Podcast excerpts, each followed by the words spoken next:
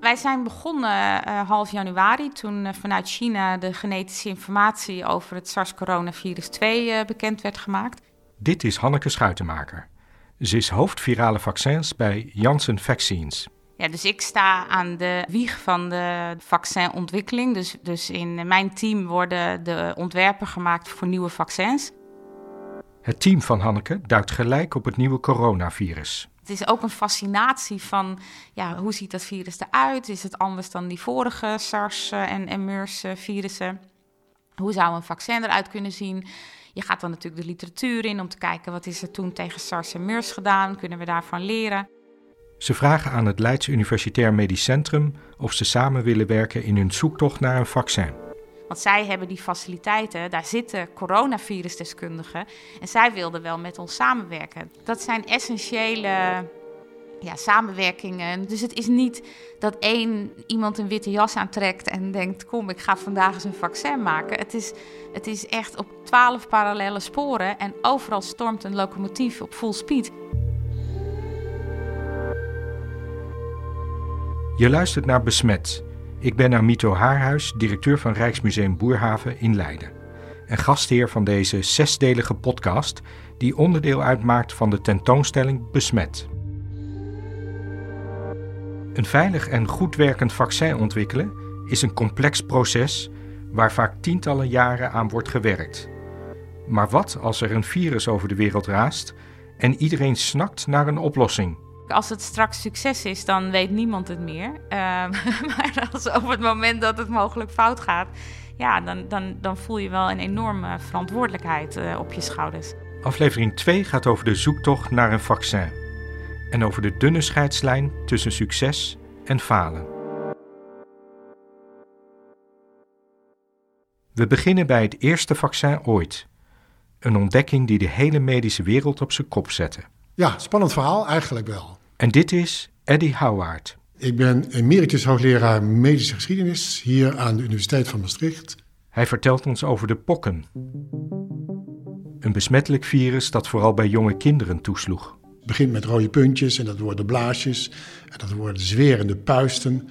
En die laten hele nare littekens achter. Je hele lichaam kan het eigenlijk. En je kunt er dus zeer verminkt uiterlijk van krijgen uiteindelijk. Maar goed, het kon ook wel minder zijn. Het kon ook wel veel milder vormen aannemen. Dus je had heel veel pokdalige mensen, zeg maar. Ja, daar komt de uitdrukking vandaan, ja. Pokkenepidemieën kwamen zeer veel voor in de 18e en 19e eeuw.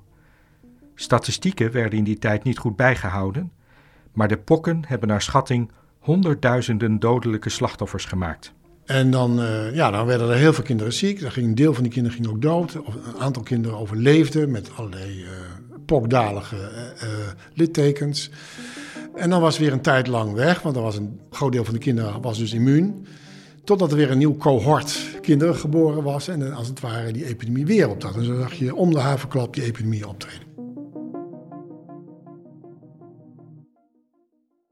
Een medicijn was er niet. Maar in China en het Midden-Oosten beschermden mensen zich al tegen de pokken door gezonde mensen te besmetten. Ja. Er werd dan een heel klein beetje pus van een licht besmet persoon in een krasje op de arm gebracht. Variolatie heette dat. En dan maakte men een bepaalde ziekte door, die, een, zekere mate van ziekte door, koorts enzovoort. En doorgaans genas men daar dan weer van, hield je een pok over of zo, of een, een, een, een, een litteken. Maar je was daarna dan wel immuun voor een eventuele epidemie van pokken. Via Turkije was dat in Engeland bekend geraakt dat je mensen kon immuniseren. Zo heette dat toen natuurlijk nog niet, maar dat ze ongevoelig kon maken voor pokken door ze met een pok, echte pok, te besmetten. Maar het was niet zonder risico. Ongeveer 1% sterft na variolatie. Na 1720 zien we dat deze methode in delen van Europa wordt toegepast. Gek genoeg vooral bij de aristocratie, dus bij de hogere lagen in de samenleving. Ook in Nederland, of in de Republiek in die tijd. Dus bijvoorbeeld de, de prins van Oranje liet zijn kinderen ook uh, varioleren. Maar dat wil niet zeggen dat iedereen het ermee eens was. Er waren enorme discussies over de vraag of dit wel nuttig was en of dit niet gevaarlijk was en of, dit je, of je dit wel mocht doen. En eh, was dit niet in strijd met het woord van God bijvoorbeeld? dat je dus uh, dit soort dingen spul van zieke mensen overbrengen op anderen. ja, dat was toch ook. dus er was een enorm debat over de vraag of dat wel moest.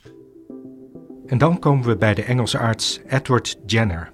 Nou ja, was dus als plattelandsarts, zoals vele artsen, bezig met die variolatie, ook in Engeland.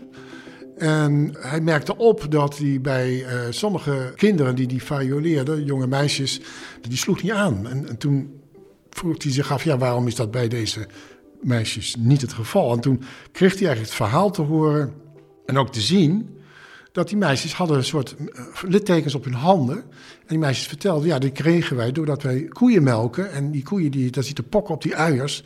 En toen ging Jenna het verband leggen tussen die littekens als gevolg van koepokken. En die, nou, wat we dan nu noemen immuniteit. Dus dat niet aanslaan van die variolatie. En toen is hij gaan experimenteren. Dus toen heeft hij heel bewust op een gegeven moment koepok-lymfe... heeft hij overgebracht op een jongetje. De achtjarige zoon van zijn tuinman. James Phipps heette dat jongetje. Jenner maakt een oppervlakkig sneetje in de arm... en brengt een druppeltje koepokstof aan in het sneetje. Jenner schrijft over het experiment. Op de zevende dag klaagde hij over onbehagen in de oksel. En op de negende dag kreeg hij het een beetje koud, verloor zijn eetlust en had lichte hoofdpijn. De hele dag was hij merkbaar onwel en bracht de nacht met enige rusteloosheid door, maar de volgende dag was hij volkomen gezond. En daarna ging hij violeren en bleek dus dat jongetje inderdaad ja, uh, ongevoelig te zijn voor die violatie. En dat ging hij daarna nog eens een paar keer herhalen toen, toen niet iedereen dat direct geloofde, op zijn eigen kinderen. Uh, hij bracht dat ook naar buiten, naar zijn collega's, die allemaal nogal sceptisch waren. Dacht, nou, dat kan niet waar zijn, hè, zal ik maar zeggen. Uiteindelijk heeft hij in 1798 dan, ja, wat later een beroemd boekje is geworden, An Inquiry into the Causes and Effects of the Variole Vaccine gepubliceerd. En dat sloeg in als een bom ging razendsnel de wereld over, het nieuws. Dus binnen enkele jaren op het continent en verder eh, was bekend dat dit een mogelijk hele effectieve manier was. En minder schadelijk, een veiliger manier was dan die variolatie. Het duurt nog tientallen jaren voordat de pokkenvaccinatie breed is uitgerold in westerse landen. En dan zie je dat de pokken eigenlijk op een aantal kleine explosies ook langzamerhand verdwijnt. In 1980 wordt de wereld pokkenvrij verklaard en stopt de vaccinatie. Maar dat is, dat, dat, is toch wel een, een, belangrijk aspect dat veel mensen vergeten. En mensen denken vaak, oké, medische uitvinding, hoppatee, we voeren het in, klaar is Kees. Dat is een vergissing. Er moet heel veel gebeuren, nog heel veel werk verricht worden, organisatorisch, financieel en politiek werk verricht worden om het daadwerkelijk tot een succes te maken. Dat is iets wat je echt in je oren moet knopen. Iedereen in zijn oren moet knopen. En dat maakt het natuurlijk ook ingewikkeld.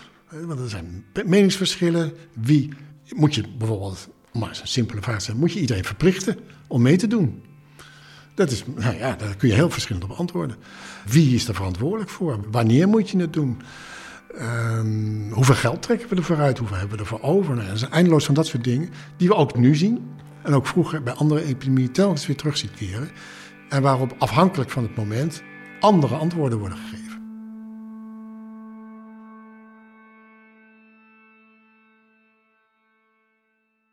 First of all, we now have a name for the disease. Hanneke Schuitenmaker, hoofd virale vaccins bij Janssen Vaccines, was half februari 2020 op een bijeenkomst van de WHO het was ook bij die uh, bijeenkomst dat de naam van het virus uh, bekend werd gemaakt. Hè. Dus sindsdien noemen we het SARS-coronavirus 2 of, of SARS-CoV-2.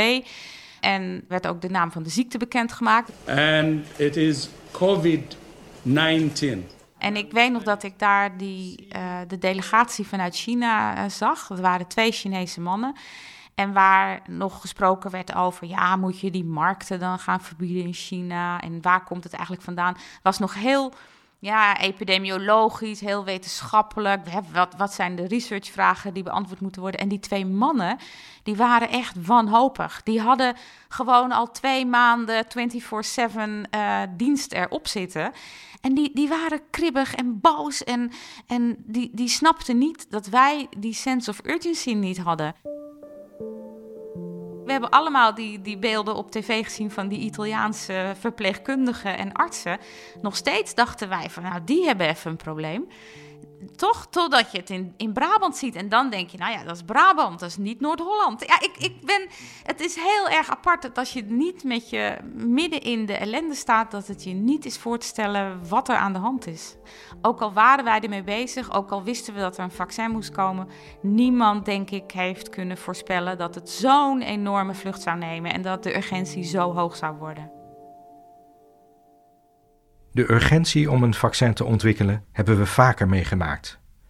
Bijvoorbeeld bij polio, ook wel kinderverlamming genoemd. Ja, mensen kregen koorts, bij de moe, kregen hoofdpijn, uitvalsverschijnselen, dus verlammingsverschijnselen, soms zo erg dat men moest ademhaling aangetast werd. Wederom een ziekte, hè, net als met onze huidige COVID-19, waarvan men niet begreep wat het was. Voor 1900 komt polio nauwelijks voor. Wetenschappers publiceren in die tijd sporadisch over de nieuwe ziekte, maar tasten nog volledig in het duister. Wat is nou precies de oorzaak van deze ziekte? Virussen kende men aanvankelijk nog niet in deze periode, in de beginperiode. Hoe is het beloop van de ziekte? Uh, welke symptomen horen nu wel bij de ziekte en welke symptomen niet? Wat doe je er tegen? Hoe voorkom je het? Allemaal open vragen waar men nauwelijks of geen antwoord op had. Na 1900 zijn er steeds vaker polio-epidemieën. In de jaren 20 in de Verenigde Staten, een grote epidemie, waar onze latere president Roosevelt het slachtoffer van geworden is. En dan zie je de aandacht daarvoor groeien. Dan zie je ook het gevoel van urgentie ontstaan. Omdat het een hele nare ziekte is, het is ook een typische ziekte waar kinderen vaak het slachtoffer van waren. En de gevolgen waren desastreus soms, want een deel van de kinderen bleef chronisch gehandicapt, verlamd, verlamde benen, armen of gingen dood. Dus het was een, een, een dramatische ziekte wel. Maar in 1931 zien wetenschappers voor het eerst virussen onder een elektronenmicroscoop. Voor die tijd kon je dat niet zien. Dan werd ineens duidelijk dat er ook nog kleinere micro-organismen bestonden dan alleen bacteriën, die ook ziekmakend konden zijn. En dan ontstond er natuurlijk een zoektocht naar de aard van dat beestje. En dan zitten we in een midden in een periode waarin er enorm veel enthousiasme bestaat over het vaccineren inmiddels. Dus de pokkenvaccinatie natuurlijk, die kenden we al. Maar inmiddels, als eind van de 19e eeuw, begin 20e eeuw, was ook het vaccinatieprincipe van difterie uh, ingevoerd. En uh, tetanus, later kinkhoest. Maar uh, het werd al snel duidelijk dat het natuurlijk een vergelijkbaar micro-organisme was als de pokken. Of als de hondsdolheid bijvoorbeeld. Dat ook een virus is en waar ook inmiddels vaccinatie tegen bestond. Dus dan moest dit ook lukken. En dan zie je een soort race, een zoektocht ontstaan naar dat vaccin. In de jaren 30 komen wetenschappers met twee verschillende vaccins. Eén vaccin is gebaseerd op verzwakt levend poliovirus. Dat dien je toe oraal, bijvoorbeeld een suikerklontje en een vaccin gebaseerd op dood poliovirus. En dat dien je toe door middel van injectie. Nou, die twee typen zie je voor het eerst geïntroduceerd worden in de jaren 30 in Amerika. Maar als ze deze twee vaccins serieus gaan testen, zijn de resultaten teleurstellend. Beide experimenten zijn mislukt. Het lukt niet, want de effectiviteit is veel te klein. Maar dat kwam omdat men op dat moment nog niet op de hoogte was van het bestaan van verschillende typen poliovirus. Dus ja, dan werkt voor de helft je vaccin ook niet, bij wijze van spreken. Dus dan zie je in 1935 zie je die hele red race of die, die, die wedloop, die zie je inzakken. En de hoop op het vaccin vervliegt. De verwachting is toch van, nou, de vraag is of dit ooit wel gaat lukken. Ook vandaag de dag zijn er onzekerheden in de strijd tegen virussen, vertelt Hanneke Schuitenmaker. Ja, het, het, is inderdaad de strijd aangaan met het virus. En ik herinner me ook dat ja, uit mijn tijd, ik heb natuurlijk heel lang aan HIV gewerkt, wat zich voortdurend uh, lijkt aan te passen en uh, ontsnapte aan antivirale therapie en ontsnapte aan de afweer van, van de patiënt. En dat, dat een stelling van een van mijn collega's was: het virus is niet slim, het virus is gewoon slordig. En dat helpt wel om uh, niet aan virussen te gaan denken als een gelijkwaardige strijdpartner. Want het zijn parasieten. Het zijn, het zijn parasieten die de cel nodig hebben, uh, een, een lichaamscel nodig hebben om zich te vermenigvuldigen en dan verder te gaan. Die realisatie had ik heel erg nodig om, uh, om te bedenken hoe je het te lijf gaat. Je moet voorkomen dat het een volgende cel inkomt, want dan kan het zich niet meer vermenigvuldigen. Het team gaat op zoek naar de zogenaamde lead candidate. Dat is een vaccinontwerp dat als basis dient om straks op grote schaal het vaccin te produceren. Hoe beter de kandidaat, hoe beter het vaccin uiteindelijk zal worden. Natuurlijk willen we die Rolls-Royce, maar eh, met een deux chevaux kom je ook in Zuid-Frankrijk. Dus dat is elke keer die, uh, ja, die, die, die realisatie van hebben we al dit nodig of kan het met minder net zo goed? Ontwikkel een werkend vaccin en dan is het goed, zou je denken. Je geeft het twee doses met de hoogste hoeveelheid uh, vaccin en dan, nou, dan ga je zien wat er gebeurt.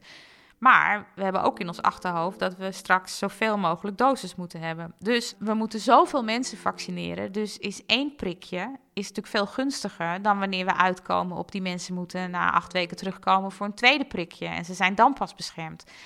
Meteen bescherming is natuurlijk veel gunstiger dan pas over 2,5 maand uh, beschermd zijn. Dus je, je moet keuzes maken van ga ik voor het beste of ga ik voor het simpelste. Ga ik voor het beste of ga ik voor uh, zoveel mogelijk mensen kunnen helpen daarna? Ze testen tien kandidaten. Die moeten ze terugbrengen naar een aantal ontwerpen waar ze het meeste vertrouwen in hebben. Ja, dat zijn, dat zijn enorme beslissingen. Daar heb ik, uh, ja, daar heb ik wel even een nachtje wakker van gelegen. Van stel dat we het fout hebben. Stel dat, dit, stel dat we dit ja, dat we onszelf overschatten over uh, hoe we denken dat het eruit moet zien, dan hebben we straks niks.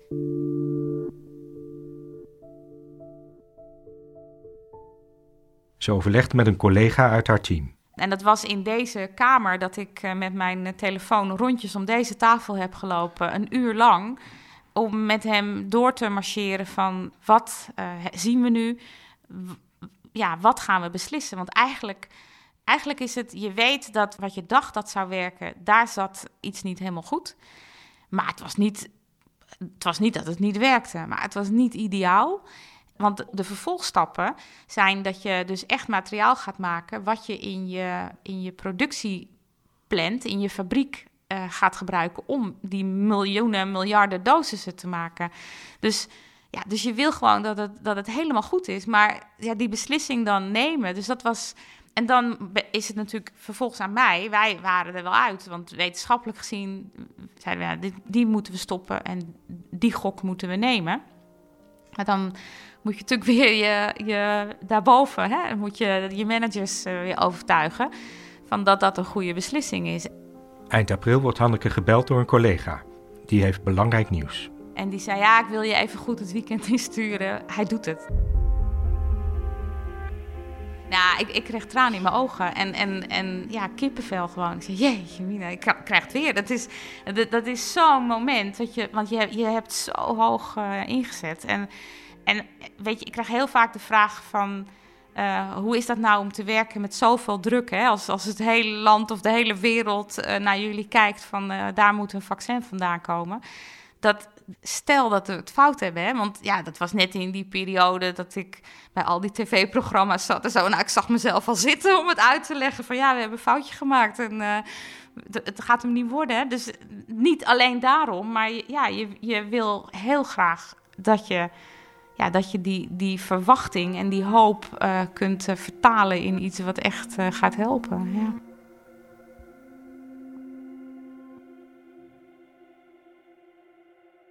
Nadat in 1935 de zoektocht naar een poliovaccin tot stilstand kwam, breken er over de hele wereld steeds vaker epidemieën uit. Ook in Nederland.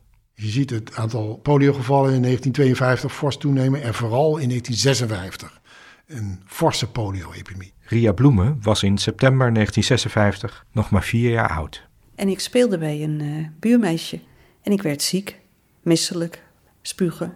En mijn moeder heeft me in bed gestopt en de andere ochtend uh, werd ik wakker en kon ik me niet meer bewegen en was ik totaal verlamd. Ik kan me herinneren dat ik mijn zusje heb wakker gemaakt, want wij sliepen in één bed. Dat ik zei: Wil jij me eens omdraaien? Want ik kan me niet meer omdraaien. En dat zij daarop mijn vader en moeder heeft gehaald: van uh, dat klopt niet. Ria is helemaal slap en ze kan zich niet meer bewegen. En ouders wisten dat in die tijd wel wat kinderverlamming was, want ze waren er allemaal bang voor. Ze wordt overgebracht naar het ziekenhuis, waar ze in isolatie komt te liggen. Dat noemden ze de barakken. Dat waren uh, verpleegafdelingen buiten het ziekenhuis vanwege het besmettingsgevaar. En daar mocht ook verder niemand bij. Dus ook uh, mijn vader en moeder mochten niet bij me. En daar lag ik. En uh, het allerergste was dat mijn speelgoed, mijn pop, mocht ik niet meenemen. Dat was allemaal besmet. Dat moest verbrand worden. En dan zie je dus, nadat de Verenigde Staten en Scandinavië al, al volop campagnes worden gevoerd, zie je ook in Nederland na 1950, in de wederopbouwperiode, zie je dan de aandacht voor polio enorm toenemen. Het meest tragische is dat de ziekte, zoals de naam al zegt, vooral onder kinderen slachtoffers maakt. Ze begint gewoonlijk met koorts en eindigt, doordat het centrale zenuwstelsel wordt aangetast, meestal met verlamming. Revalidatiecentra waar kindjes maanden, soms jaren blijven leven om daar in een aangepaste omgeving verder te kunnen leven. Centra waar ijzeren longen liggen, hier ook in Maastricht, maar ook in andere delen van het land, waar patiëntjes liggen. Ria Bloemen weet hoe het is om in een ijzeren long te liggen. Overdag lag ik in een bed wat een beetje schommelde. Dat was een soort ademhalingsondersteuning. Daar lag ik overdag in. En s'nachts in de ijzeren long. Het is een rechthoekig blik van een meter of drie lang, 2,5, en een meter breed. Daar werd je ingelegd. In een aparte ruimte in mijn eentje. Je kon er niet zelf uit, je kon er ook niet zelf in, dus je was totaal afhankelijk. Alleen je hoofd stak eruit.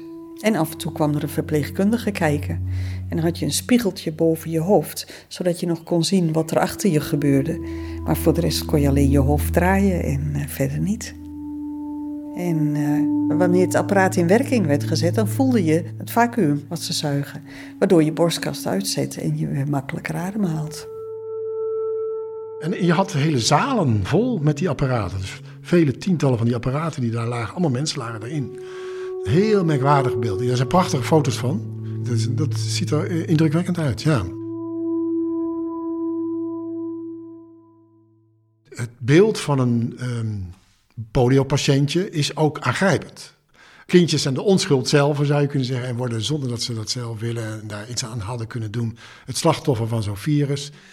En dan zie je dus dat ook dus op politiek niveau, op cultureel niveau, op lokaal niveau, zie je het gevoel van urgentie ontstaan. Goed, dat gebeurde dus allemaal nog zonder vaccin.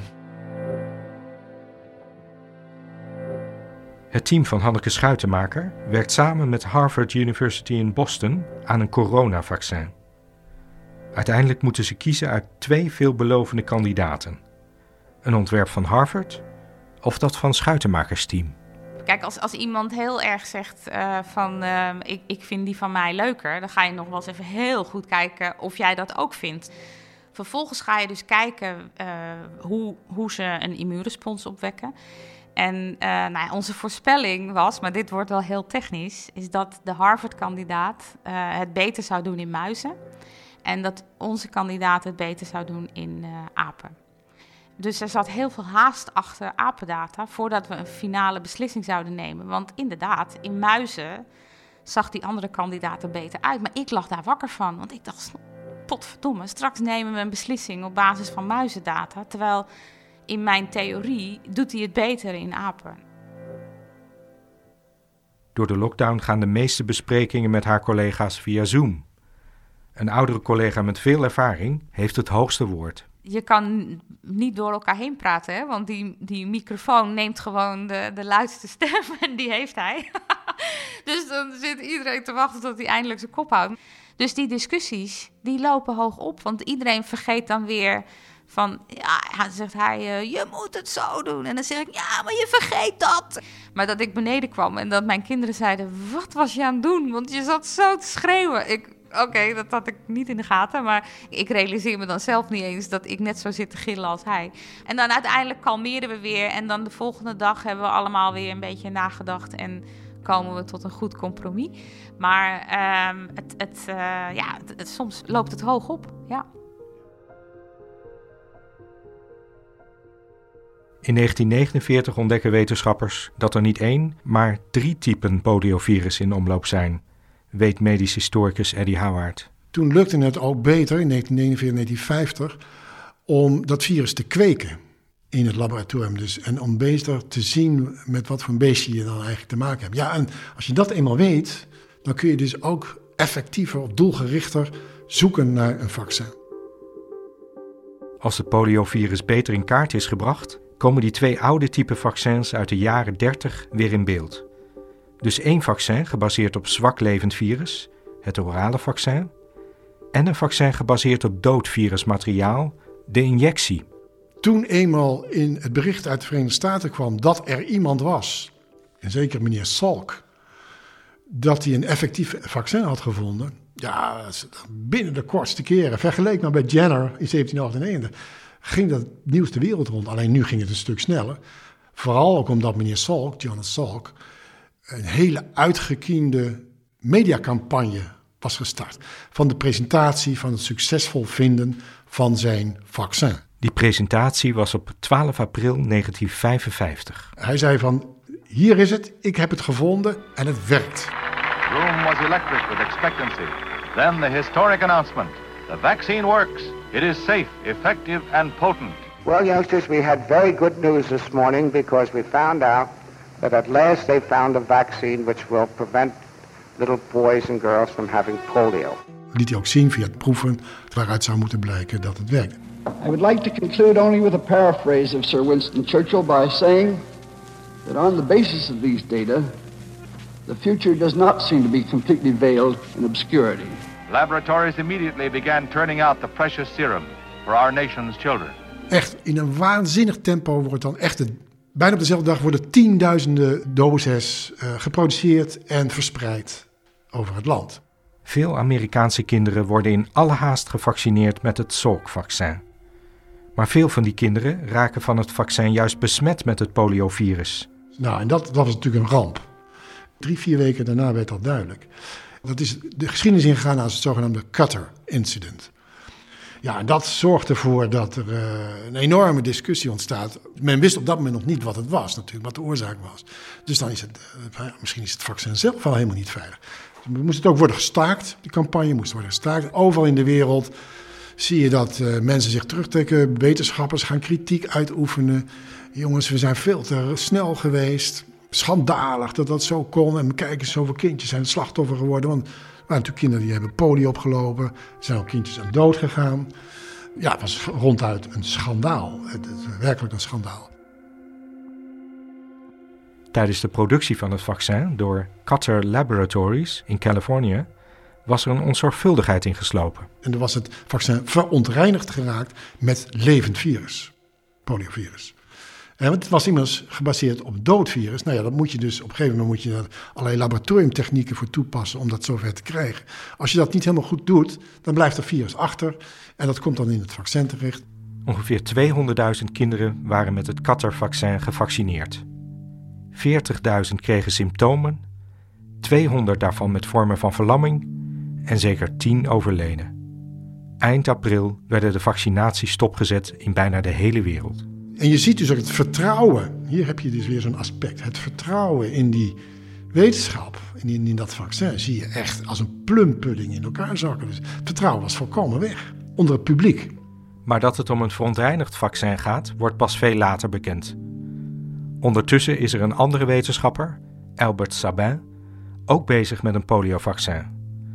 Sabin is een Pools-Joodse immigrant die in de Verenigde Staten werkt aan een oraal vaccin, gebaseerd op verzwakt levend poliovirus. Die kon tijdens zijn proefnemingen en tijdens zijn, uh, terwijl hij bezig was met zijn experimenten, eigenlijk niet goed in de Verenigde Staten aan de bak komen, dankzij Salk. Want die had overal, ja, een beetje, ja, monopolie wil ik niet zeggen, maar die, had toch, die was dominant op dat moment. Dus wat doet hij? Hij wijkt uit met zijn compagnon naar andere landen om daar proefneming te doen. En nota bene wijkt hij uit naar de Sovjet-Unie. Nou, moet je je voorstellen. Tweede helft jaren 50, uitwijken naar de Sovjet midden in de Koude Oorlog. En de Russen die zeggen eind jaren 50, 1959, meneer Sabin, het werkt fantastisch. wij, wij gaan hier mee door. En dan worden er dus miljoenen kinderen, miljoenen kinderen in de Sovjet-Unie, toenmalige Sovjet-Unie, gevaccineerd met het Sabin-vaccin. Nederland kiest niet voor het Sabin-vaccin. Bij ons is het poliovaccin meegenomen in de DKTP-prik. Maar in veel westerse landen wordt wel gevaccineerd met het suikerklontje. Bijvoorbeeld in het Verenigd Koninkrijk. The medical officer of health set the target. 300.000 men, women and children to be vaccinated in one week. Terwijl ondertussen dus dat Cutter-incident nog naeilt. A handful of sugar lumps and two drops per lump. Dus je ziet een soort interessante discussie ontstaan over de vraag: ja, welke moeten we nou doen? Welke van de twee is nou het effectiefst en welke van de twee is het veiligst? En daar is verschillende meningen stevig over in deze periode. Sommigen zeggen van: kijk eens, uh, Sabin is goedkoper. Het is ook effectiever en ook, het werkt ook langduriger. Maar er zijn anderen die zeggen: ja, maar het is ook wel mogelijk gevaarlijker, want het is immers een levend vaccin. Althans, gebaseerd op levend vaccin. Omgekeerd zeggen anderen van het volkvaccin: ja, nee, het is veel duurder. En het is ook misschien helemaal niet zo effectief. Je moet het herhalen, niet één keer, je moet het twee, drie keer doen. En daar zie je het debat tussen de beide vaccins. En dat is een debat dat jarenlang blijft doorgaan. Na het Qatar-incident zijn strenge protocollen rondom de ontwikkeling van medicijnen doorgevoerd. We kunnen dan ook leren van de zoektocht naar het poliovaccin in de jaren 50, zegt Hanneke Schuitenmaker. Het is wel interessant om uh, de parallellen te zien, want toen de tijd was er natuurlijk ook heel veel urgentie om een poliovaccin te maken. Ze vertelt over een van haar medewerkers, een 76-jarige Amerikaan. Maar die heeft dat gewoon nog echt uh, meegemaakt. En die roept ook nu de hele tijd in, in het kader van hoe we ons COVID-vaccin gaan, uh, gaan testen. Van goh, denk aan de tijd van polio. Want daar hebben ze ook gewoon 400.000 kinderen gevaccineerd om te kunnen zien of het een effect had. En eventueel veiligheidsrisico van het vaccin ja, werd daar tegen afgestreept van ja, dat, dat nemen we dan op de koop toe. Dus haast is niet goed. En ik denk dat op dit moment dat de, ja, de voortgang in het maken van vaccins en in de, in de manier waarop we naar risico's kunnen kijken, is natuurlijk zoveel beter. Dat we er vertrouwen in kunnen hebben dat we door de autoriteiten ook gedwongen worden om goed te kijken. Maar natuurlijk ook is dat vanuit de, de bedrijven een, uh, ja, een vanzelfsprekendheid dat we geen risico's nemen die onaanvaardbaar zijn. Nu de roep om een vaccin weer erg groot is, rijst de vraag of we niet weer dezelfde fouten gaan maken. Door het vaccin toch te vroeg op de markt te brengen.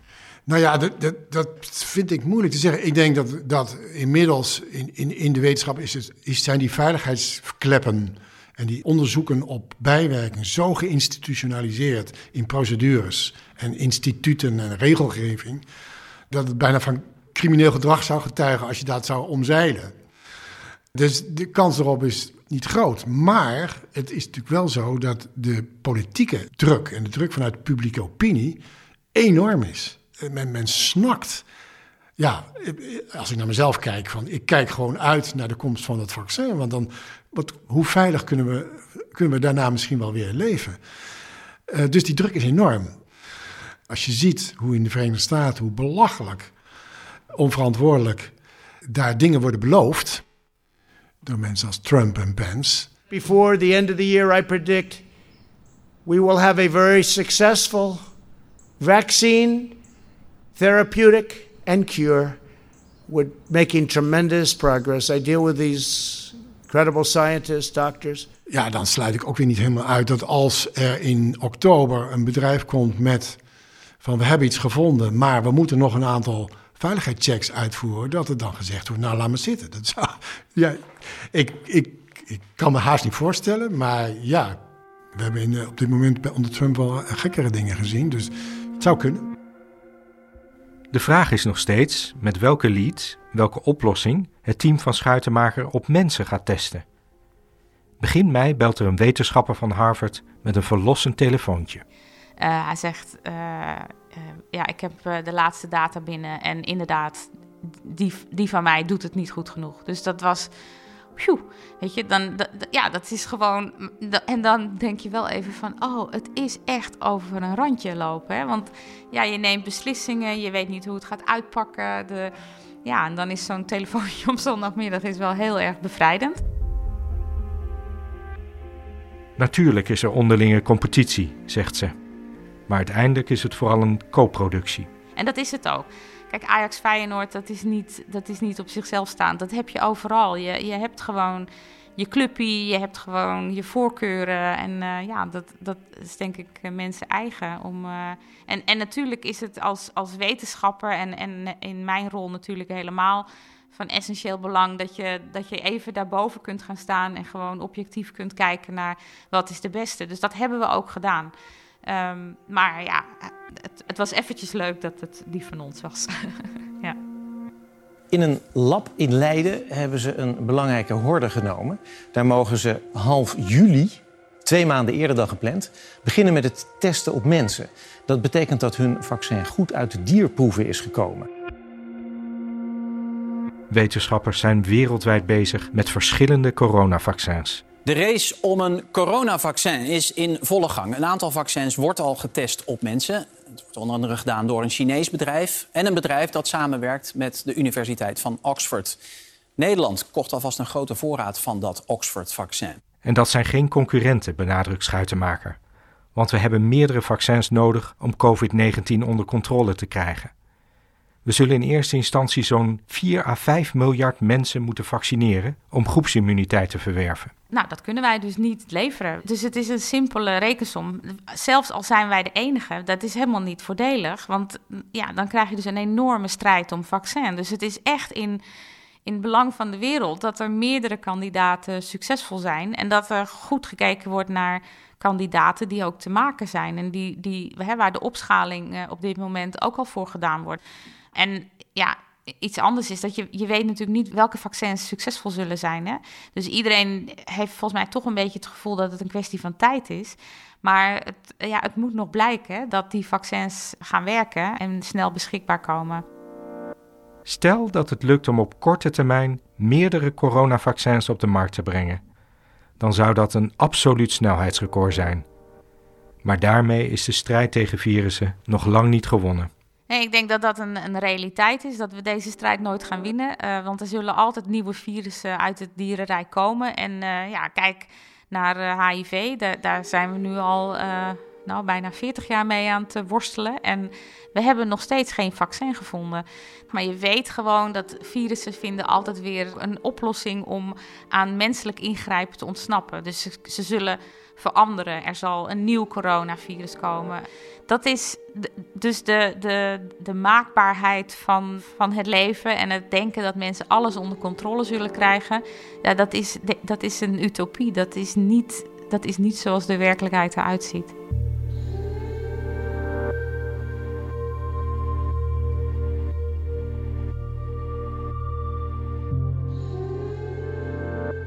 Dit was aflevering 2 van de podcastserie Besmet. Meer informatie over de podcast en de tentoonstelling Besmet vind je op rijksmuseumboerhaven.nl. Abonneer je op deze podcast, mocht je dat nog niet gedaan hebben, en laat vooral ook weten wat je van deze serie vindt door een review te schrijven in Apple Podcast. Aflevering 3 gaat over zoonosen. Dat zijn infectieziekten gedeeld door mensen en dieren. We spreken onder andere met Floor Haalboom, expert op het gebied van zoonosen.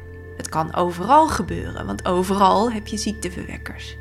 En in Nederland is zelfs de kans ook weer behoorlijk groter, omdat we hier en heel veel mensen hebben en heel veel dieren hebben.